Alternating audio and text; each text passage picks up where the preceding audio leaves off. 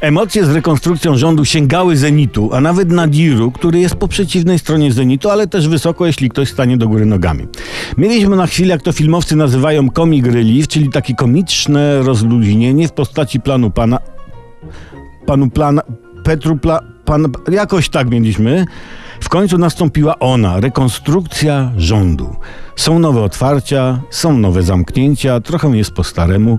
Mówią i ja powiem wam, że dziwne rzeczy się ostatnio e, dzieją na scenie politycznej, bo najpierw zablokowanie reformy sądownictwa, potem odwołanie skutecznej i bardzo lubianej pani premier Beaty Szydło, teraz odwołanie najlepszego z ministrów, uwielbianego w armii, zasłużonego na rzecz bezpieczeństwa Polski pana Antoniego Macierewicza, prawdziwego patrioty oddanego ojczyźnie, prawda?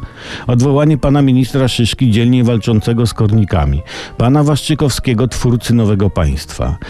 No, ciekawy ciąg zdarzeń. Powiedziałbym nawet sekwencja. Tak. Kolej na pana ministra Ziobrę, później zrezygnujemy z reparacji wojennych od Niemiec, staniemy się zwolennikami Nord Stream 2. Kto za tym stoi? Jakie koła kreślą te kręgi nienawiści? Rację ma pani posłanka Pawłowicz, że to służby i lewactwo. Tak.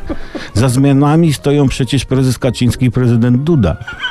Z zadanie na najbliższy czas to jest rozstrzygnąć, który jest służbą, a który lewakiem.